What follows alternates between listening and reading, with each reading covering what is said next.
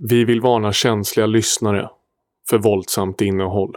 Benvenuto a Mafia-podden.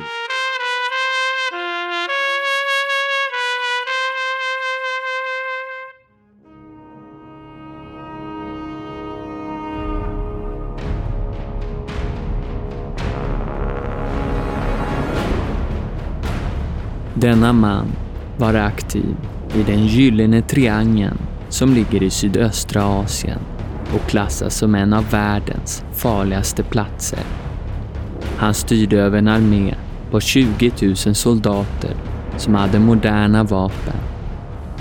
Han ses som Pablo Escobars motsvarighet i Asien. Han var kung över opiumet som han sedan gör om till heroin, vilket gjorde att han var jagad av Thailands regering, Burmas regering och DEA. Hans namn är Chang Shifu, men han kallar sig senare för det ökända namnet Kun Sa.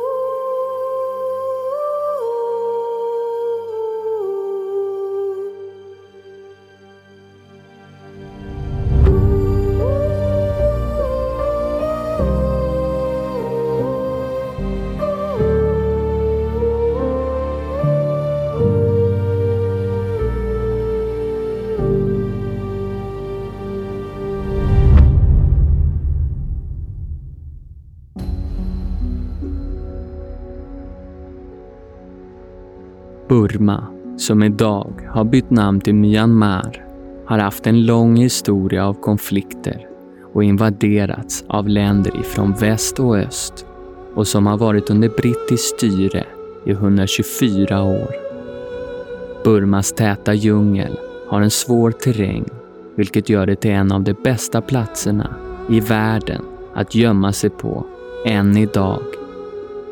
De burmesiska invånarna var vana vid gerillakrigsföring som är en krigsstrategi som går ut på att man i små grupper attackerar sin fiende. De viktigaste momenten i gerillakrigsföring är stödet från invånarna och att överraska sin fiende. För att fienden kanske har bättre teknik eller består av överlägset fler i antalet en del av befolkningen var utsatta och förtryckta av regeringen som hade sina egna styrkor som gick på byborna i de olika uppdelade staterna i landet på grund av att de ville vara självständiga. De olika staterna har även sina egna arméer som vaktar deras odlingsfält där de odlar opium. De fattiga bönderna som tar hand om odlingarna Säg att man inte tjänar några pengar på ris, så för att överleva så odlar de opium som man tjänar 17 gånger mer på.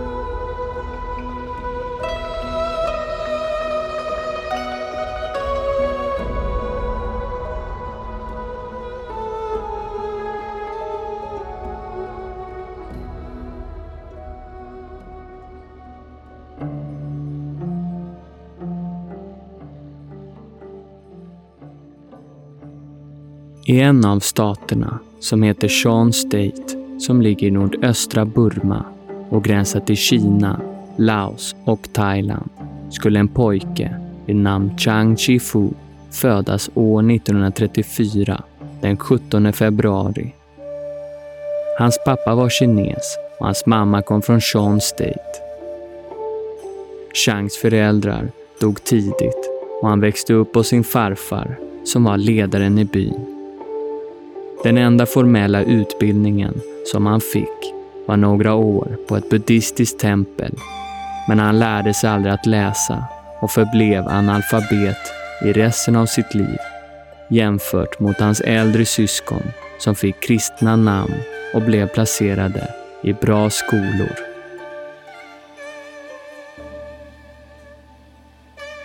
Vid år 1948 då Chang var 14 år blev Burma självständigt ifrån britterna och det fick även ett ekonomiskt bidrag från USA som var till för att stoppa opiumtillverkningen i landet.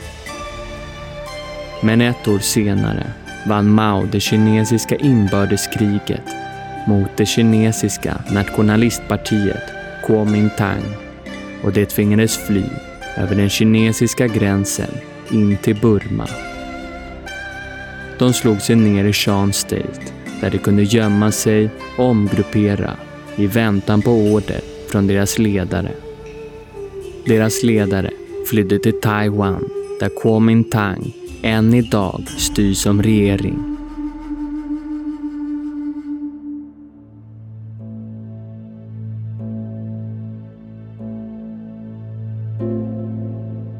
Två år senare hade Chang tröttnat på templet som han hade skickats till. Han anslöt sig till Kuomintang och fick en grundlig militärutbildning. Det var där han fick se med egna ögon hur opiumtillverkningen gick till och hur Kuomintang skötte sina affärer. Deras hemliga supporter var CIA som hjälpte dem med transporten av opiumet in till Laos och Thailand. Kuomintang fick vapen, ammunition och andra förnödenheter i betalning av CIA. Men amerikanarna hade ett krav. Att de skulle använda vapnen till att attackera deras gemensamma fiende Mao och kommunismen. Deras opiumfält började producera stora mängder vilket gjorde att CIA var tvungna att investera i ett litet flygbolag som hette Civil Air för en halv miljon dollar. De kunde nu flyga med ett stort transportflygplan och lämna vapen och andra förnödenheter och sedan transportera större mängder råopium som de sedan flög tillbaka över till Laos där CIA samarbetade med Wang Pao som var general för den kungliga armén i Laos. Han ägde flera opiumlabb där man gjorde om råopiumet till heroin. CIA transporterade det färdiga heroinet in till Thailand. Denna information är något CIA förnekar, men det finns flera bevis som talar emot dem. Civil Air bytte senare namn till det mer kända namnet Air America och hade sin största flygbas i Laos där de hade flera flygplan och helikoptrar. Det var amerikanska piloter som riskerade sina liv varje dag för de olika hemliga uppdragen. Om de blev nedskjutna så fanns det inte mycket hopp om någon räddning och de fick klara sig själva i den täta djungeln.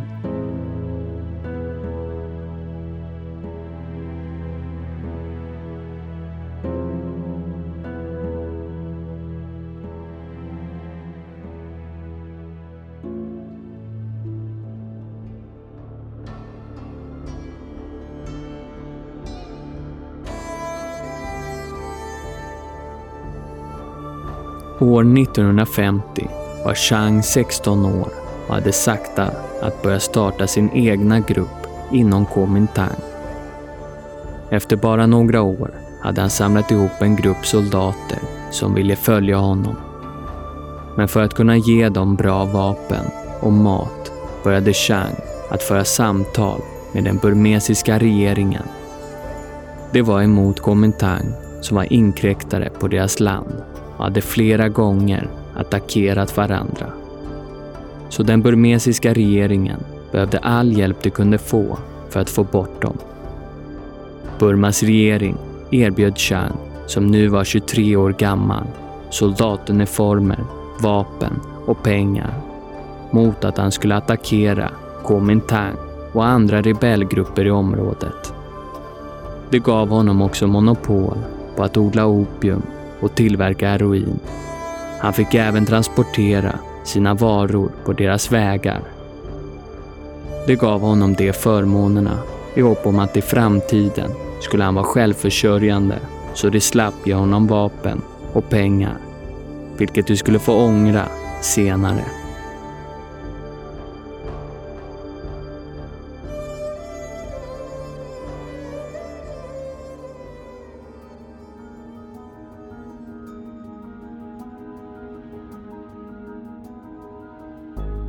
Allt flöt på bra för Chang nu när han hade stöd från regeringen.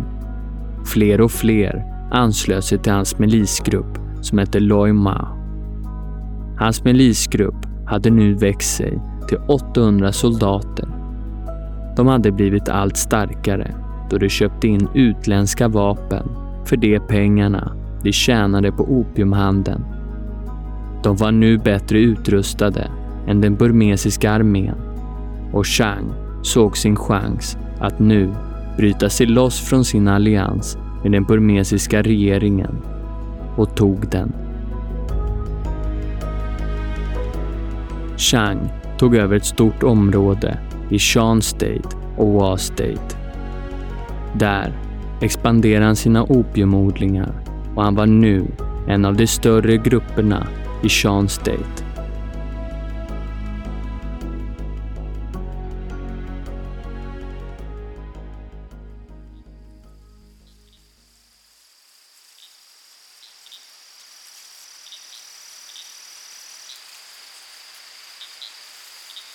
I den täta djungeln slingrar sig ett långt led av soldater och smugglare. Närmare 500 stycken. De hade packat sina 300 åsnor med 16 ton råopium som de skulle leverera till en kund i Laos år 1967. De går på de smala stigarna som går upp och ner genom den svåra terrängen det är på väg att korsa gränsen in till Laos ifrån Burma. Det här skulle bli Changs största affär hittills. För att om Chang skulle få igenom sin affär med sin kund i Laos som var värt en halv miljon dollar så skulle han kunna skaffa sig tusen soldater till, vilket skulle göra honom till ett ännu större hot för Kuomintang och deras opiumverksamhet.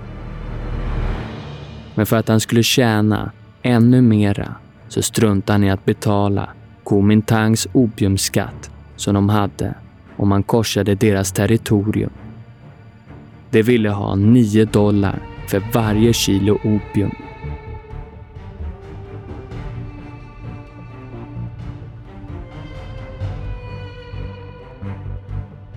Kuomintangs spanare hade fått syn på Changs smuggeltåg och rapporterade det direkt i radion till sitt högkvarter.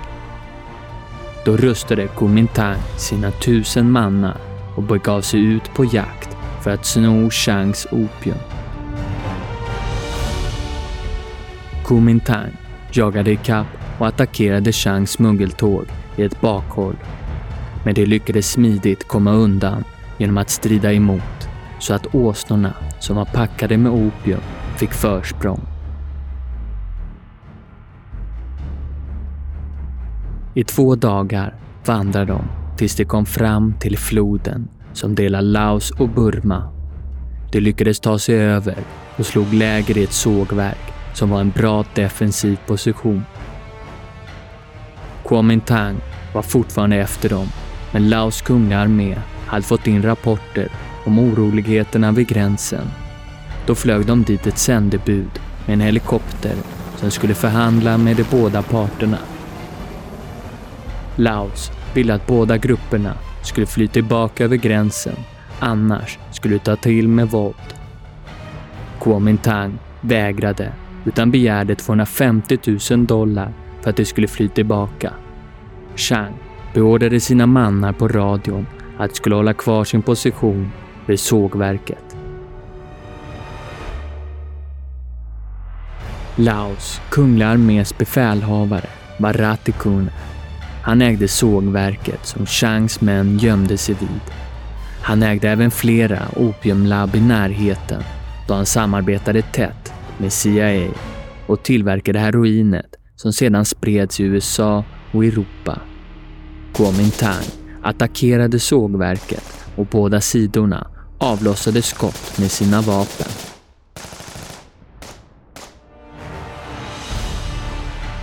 Då gav Ratikone order om att sex stycken stridsflygplan skulle åka och bomba de båda grupperna som inkräktade på deras territorium och skickade flera soldater som blockerade de olika flyktvägarna. Den enda vägen ut var att korsa den strömma floden igen över till Burma, vilket de gjorde medan bomber och skottsalvor slog ner runt om dem.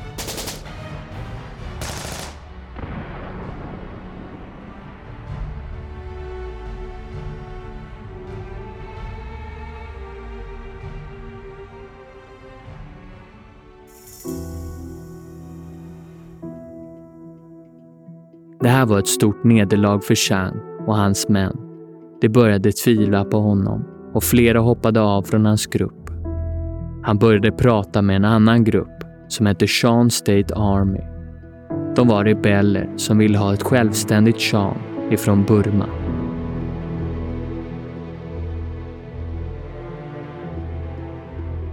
Chang hade varit på ett affärsmöte och skulle flyga hem igen men han blev gripen på Heho flygplats av den burmesiska regeringen som hade fått reda på att han hade samtalat med Sean State Army. Det satte honom i fängelse direkt för landsförräderi. Changs organisation löstes upp och bara hans trognaste män var kvar och gömde sig i djungeln medan han satt fängslad.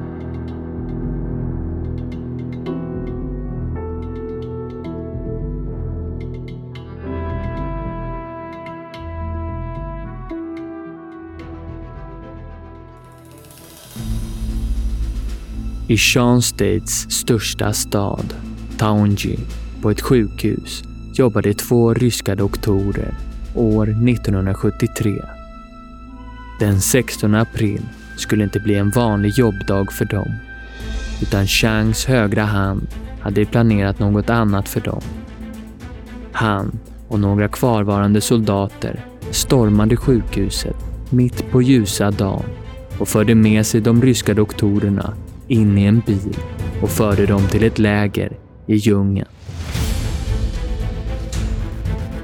De kidnappade doktorerna för att förhandla med. De ville byta doktorerna emot deras ledare, Chang, som hade suttit fängslad i fyra år nu. Men den burmesiska regeringen skickade genast ut soldater för att rädda doktorerna.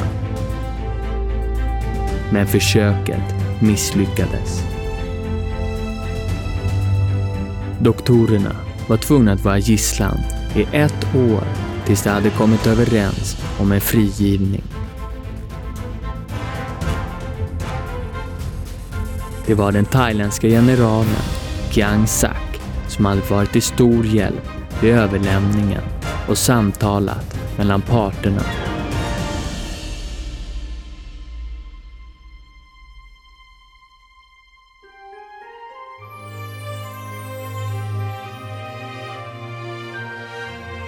Efter fem års fängelse, år 1974, frigavs Chan, 42 år gammal, och fick återvända till sina lojala män som hade räddat honom.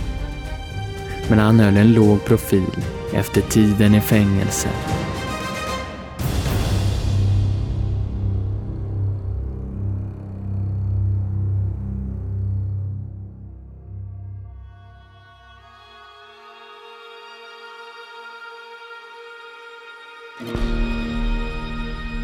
Det var inte förrän två år senare som han skulle börja rekrytera män i en thailändsk by nära gränsen till Burma. Det var nu hans stora resa skulle börja. På Sean States egna språk, Sean, så blir Chang Shifus namn till Kun Sa, som betyder prinsen av döden, vilket var det namnet han nu började att kalla sig för. Kun Sa var under beskydd av den thailändska generalen Kiang Sak som hade hjälpt honom ut ur fängelset. Under generalens beskydd kunde Kun Sas organisation växa snabbt. Hans fördel var även också att den burmesiska armén hade gjort stora påtryckningar mot Kuomintang som var tvungna att överge stora områden av sitt territorium. Det gjorde att Kun Sa kunde gå in och ta över en del av Kuomintangs områden. Han började tjäna stora summor pengar på sin organisation och år 1977 blev den thailändska generalen Chiang Sak, som hade hjälpt Kun Sa ut ur fängelset, premiärminister i Thailand. Kun Sa hade varit med och stöttat hans valkampanj med en donation på 50 000 dollar.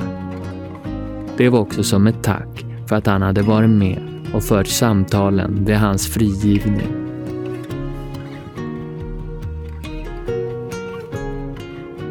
Samma år så gav Kunsai ett förslag till amerikanerna. Han erbjöd dem att köpa hela hans opiumförråd under ett år. Vilket skulle resultera i att hälften av heroinet på New Yorks gator skulle försvinna. Men han fick ingen respons på det, utan det resulterade i att DA fick upp ögonen ännu mera för honom.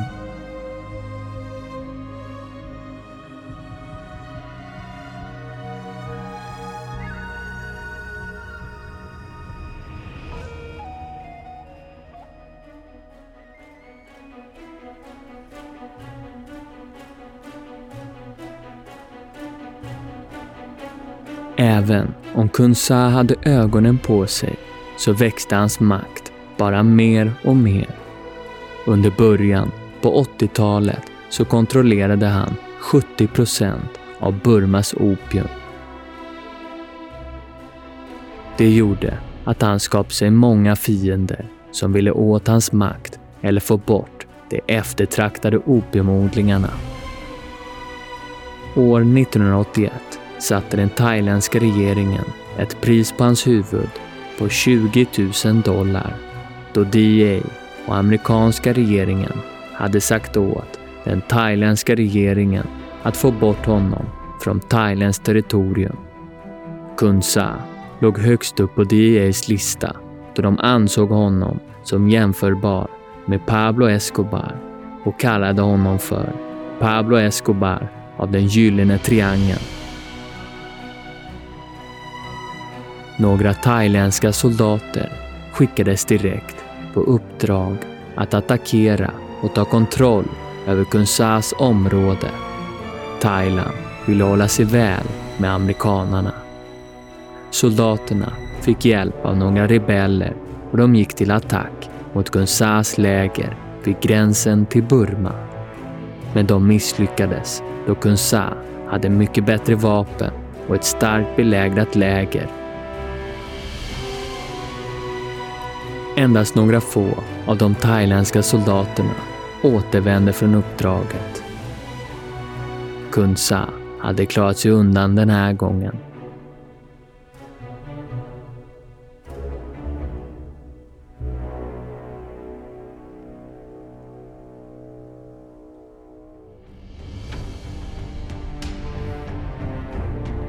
Nu var thailändarna tvungna att ta i med hårdhandskarna då det här började få för stor internationell uppmärksamhet, vilket inte såg bra ut.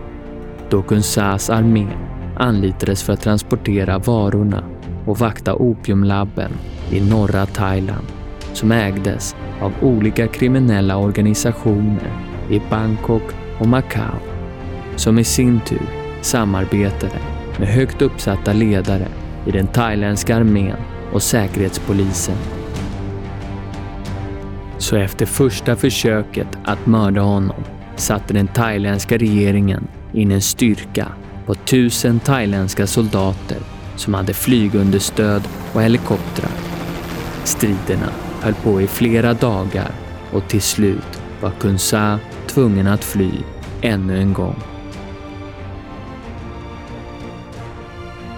Den här gången flydde han över till Burma igen och slog sig ner i en by som heter Homein och ligger vid gränsen till Thailand. Han var nu tvungen att bygga upp sitt fäste igen och man trodde säkert att slutet nu var nära för honom. Men den här gången skulle hans fäste bli starkare än någonsin. Han började samarbeta med den burmesiska regeringen igen. Det skulle låta honom vara i fred om han hjälpte till att attackera olika kommunistiska rebellgrupper som också var verksamma i samma område.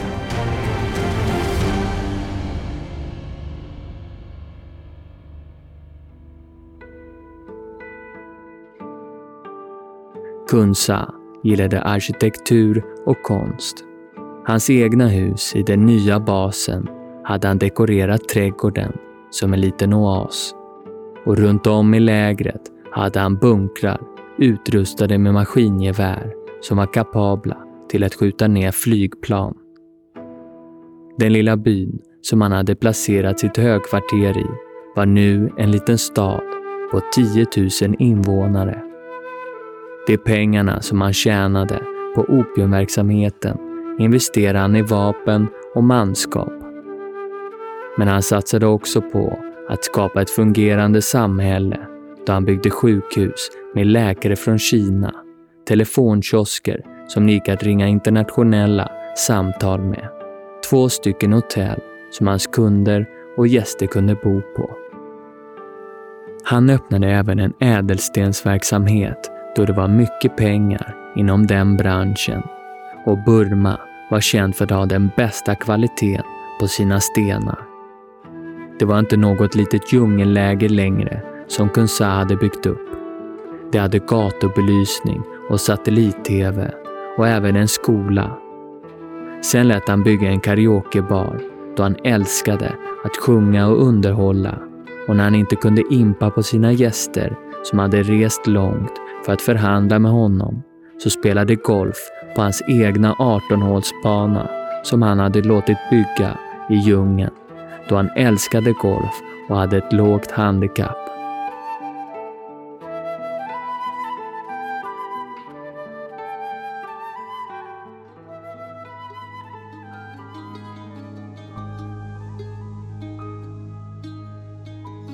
Kunsa hade nu ett stort kontaktnät i Laos, Burma och Thailands regeringar och deras poliser. Han betalade 26 000 dollar i månaden till den thailändska gränspolisen så att hans leveranser kunde levereras i säkerhet. Han hade även fått bra kontakter i väst. En som sålde Kunsas heroin på 60 och 70-talet var den ökända maffiabossen Frank Lucas som var ledare över maffian i Harlem i New York. Han är känd för att han köpte heroinet direkt ifrån den gyllene triangeln, vilket gjorde att han kunde få ner priset ännu mera och konkurrera ut sina rivaler genom att sälja det 90% rena heroinet billigare än det andra för att slå ut dem från marknaden. Frank Lucas smugglade heroinet med hjälp av några från den amerikanska militären då de placerade heroinet i kistorna där de stupade soldaterna låg för att bli transporterade hem och bli begravda i USA. Det funkade fram tills USA förlorade kriget i Vietnam. Frank Lucas liv kan man följa i filmen American Gangster från 2007 med Denzel Washington i huvudrollen. I filmen har de även med en scen där Lucas åker till den gyllene triangeln och möter Kun Sa.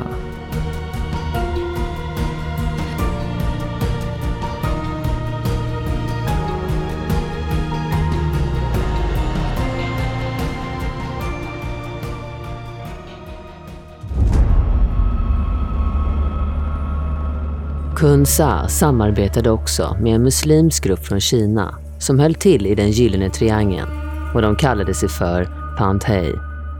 De var specialister på att smuggla över gränserna och de kunde alla de hemliga vägarna. Oftast visste inte Kun Sa vem som var slutkunden då han hade sitt nätverk som distribuerade knarket åt honom.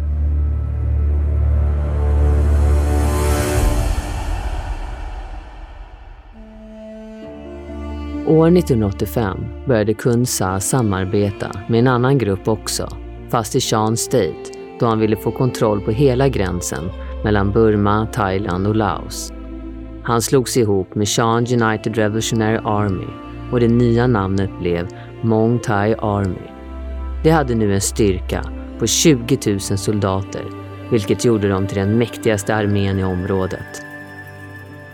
De ville ha ett självständigt Shan och för att nå dit behövde de odla och sälja mer opium så de kunde rusta och föda fler soldater. Två år senare blommar Kunsas opiumodlingar som aldrig förr och de producerar över 600 ton råopium om året. Amerikanarna gav ett bidrag till den burmesiska regeringen för att de skulle kunna utrusta sig och börja göra motstånd mot Kun Sa. De skickade flertalet bilder till amerikanarna. På bilderna kunde man se stora högar med opium som stod i lågor. Det var som ett bevis att amerikanarna hade fått sin makt igenom. Men burmeserna hade förfalskat bilderna och i själva verket var det bara hö och stenar som de hade tänt på. De gjorde så ofta. De iscensatte ett tillslag, skickade bilderna till olika medier runt om i världen så att det skulle se ut som att de gjorde stora framsteg mot opiumhandeln.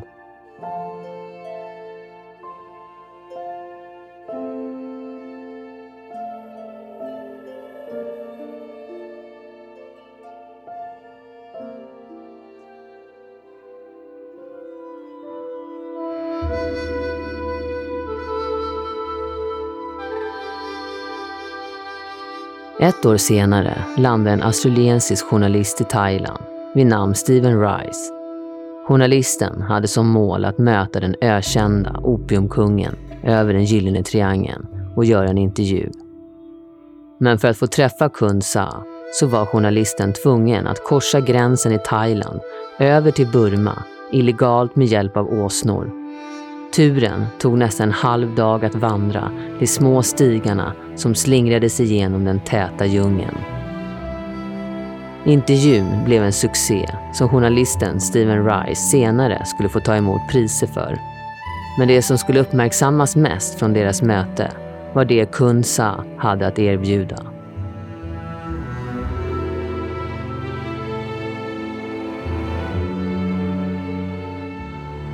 Han ville att Rice skulle förmedla en deal till den australiensiska regeringen. Dealen var att Australien skulle köpa hela hans opiumförråd under en åttaårsperiod. Liknande det erbjudande som han hade erbjudit amerikanarna tidigare. Kun Sa ville ha 50 miljoner dollar för varje år under denna åttaårsplan. Hans idé var att de skulle köpa allt opium från honom så skulle hälften av allt heroin på marknaden försvinna i Australien. Pengarna han skulle få i så fall skulle gå till att försörja hans by, fortsätta kämpa för ett självständigt Shan State ifrån Burma. Men det var inte alla som trodde på det. Att han kämpade för Shan State. De såg honom mer som en krigsherre och en knarkbaron som utnyttjade bönder och hade barnsoldater. Australien tackade nej de var inte villiga att betala en kriminell för att sluta med sina kriminella aktiviteter.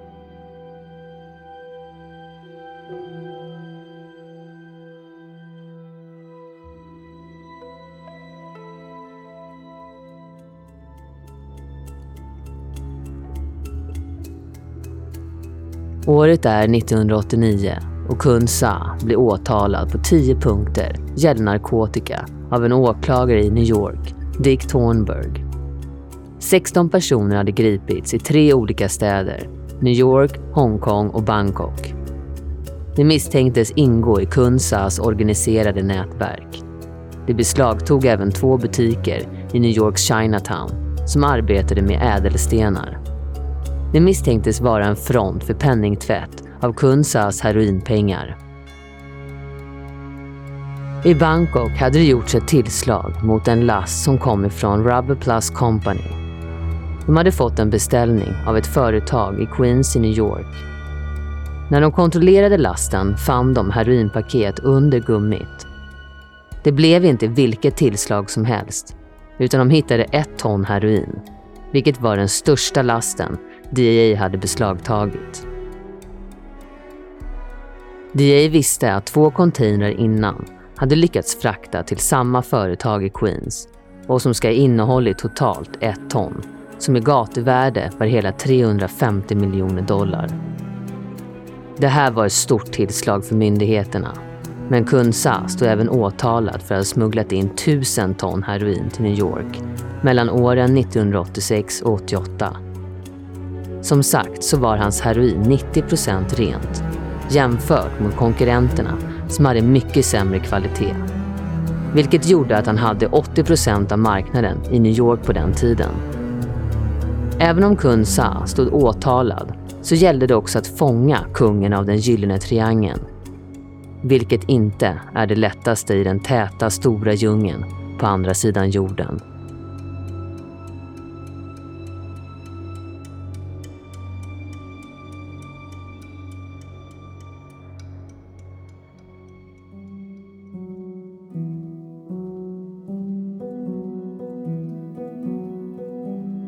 De första som sökte upp Kunsa efter den här åtalan var två kanadensiska journalister som ville intervjua honom. Ännu en gång så skickade Kunsa ett erbjudande med journalisterna som han tyckte var rättvist och som de skulle leverera till den amerikanska regeringen. Han ville ha 210 miljoner dollar i stöd från FN, 260 miljoner dollar från privat stöd och 89,9 miljoner dollar för att det skulle sluta helt med opium och att det skulle ersätta opiumodlingarna till matodlingar och bygga upp samhället. Men när amerikanerna fick höra det här så satte de ett pris på kung Saas huvud direkt, på två miljoner dollar. Det är mycket pengar i den gyllene triangeln och han står nu etta på den Most Wanted-listan hos DEA. Enligt Kun Sa så tyckte han att det var konstigt för att han hade försökt att lösa problemet och erbjudit amerikanerna att köpa hela hans opiumförråd ett flertalet gånger. Han menade att om det inte var han som sålde heroin så skulle det vara någon annan som gjorde det.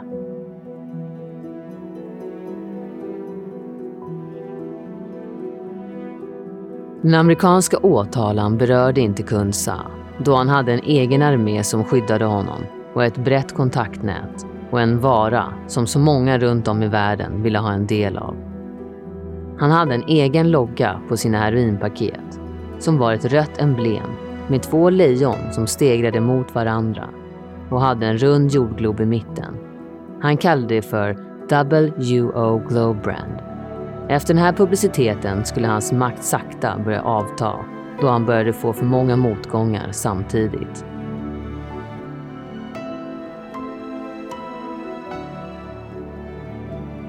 Den burmesiska armén hade gjort flera tillslag mot honom, men som hade misslyckats. Så istället för att skicka in sina regeringssoldater så tog de i kontakt med en grupp i Hua State som ligger vid gränsen till Yunnan-provinsen i Kina. De kallade sig för United Hua State Army och är från grunden gamla prisjägare, men som också gått in i opiumbranschen.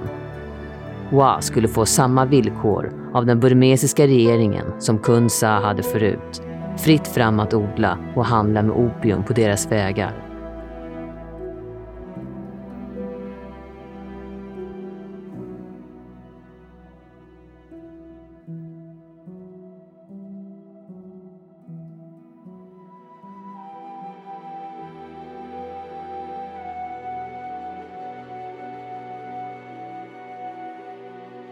Vid år 1991 så avlider Kunsas högra hand, Mo Heng, i cancer.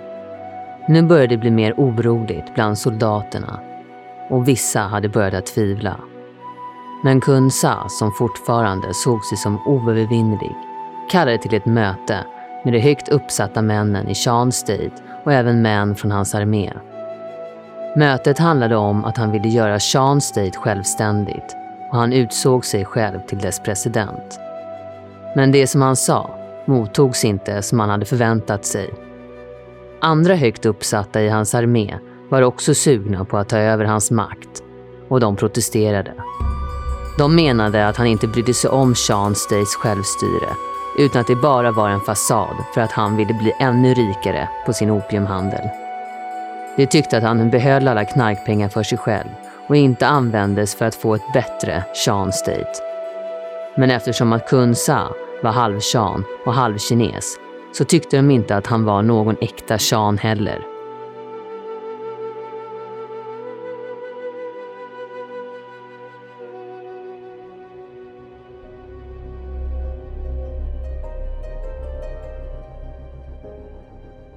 Två år senare, vid år 1993, så dog Kun Sas fru i sitt hem i Thailand. Orsaken var cancer. De gifte sig när de var i 20-årsåldern och de fick åtta barn ihop som de sände utomlands för att få en bra utbildning. Då Kunsa aldrig hade fått någon utbildning så var han väldigt mån om att hans barn skulle få det. Men samma år så startade DA en operation för att störta världens största drogorganisation, Mong Thai Army. De döpte operationen till Operation Tiger Trap. Deras strategi var att störa Mong Thais infrastruktur i Thailand och gripa olika nyckelpersoner inom organisationen. De ville blockera de olika smuggelvägarna så att inte drogerna kunde komma in i Thailand och fraktas vidare. Men de ville även beslagta vapen, ammunition, mat, mediciner och bränsle som skulle in till lägret och försörja de 20 000 soldater som Kun Sa styrde över.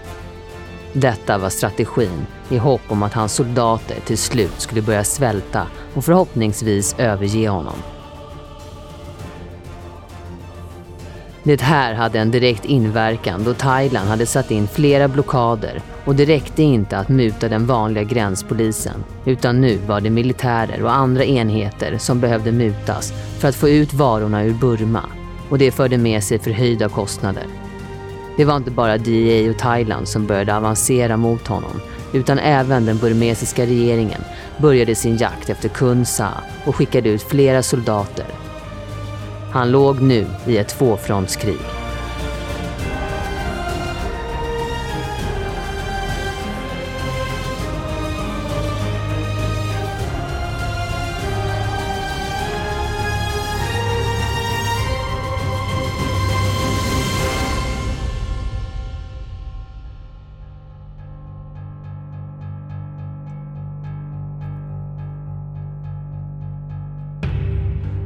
Operation Tiger Trap var en lyckad operation och höll på i två år. Kun Sa började märka att hans inflytande och makt började att avta och han kontaktade då i hemlighet den burmesiska regeringen. Han ville förhandla. Han erbjöd att lägga ner sina vapen och sluta helt med denna verksamhet. Men då ville han att den burmesiska regeringen skulle lova att inte överlämna honom till USA där han skulle få ett långt fängelsestraff. Så den 7 januari år 1996 intog burmesiska styrkor Mong Thais Armys läger och 15 000 soldater övergav Kun Sa. På bilder kan man se hur Kun Sa glatt går med den burmesiska generalen och soldater och log. Han var väl glad att denna katt och råttalek var över och att han kanske hade vunnit på något sätt ändå. Då han hade livet i behåll och hans andra del i överenskommelsen skulle nu börja. Kun Sa hade blivit lovad att han skulle få leva i fred i huvudstaden Rangoon. Han hade även beskydd av militärens underrättelsetjänst och han fick bo i ett gästhus nära flygplatsen som var militärens och hade beskydd. Men de ville att han skulle investera i olika affärsrörelser bland annat ett bussbolag. Kun Sa, som var en kvinnokar, flyttade dit med sina fyra älskarinnor och ska ha levt ett lugnt liv fram till hans död.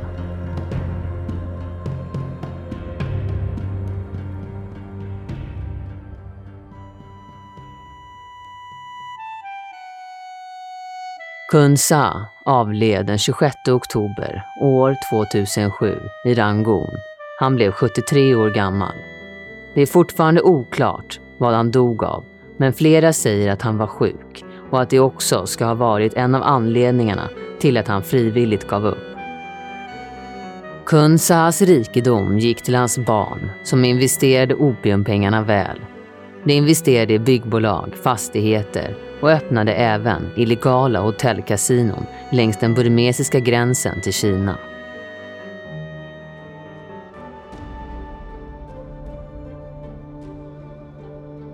Vi vill tacka Bertil Lintner som är en svensk journalist och författare som bor i Thailand. Han har träffat Kun Sa och intervjuat honom hela två gånger under hans storhetstid. Bertil är även expert inom den gyllene triangelns historia och utveckling genom åren. Genom Bertil har vi fått tagit del av hans välskrivna artiklar och bilder. Stort tack! Det finns mer om Kunsas och den gyllene triangelns historia i Bertils böcker som finns att köpa via länk på vår hemsida maffiapodden.se. Tack för att du lyssnade.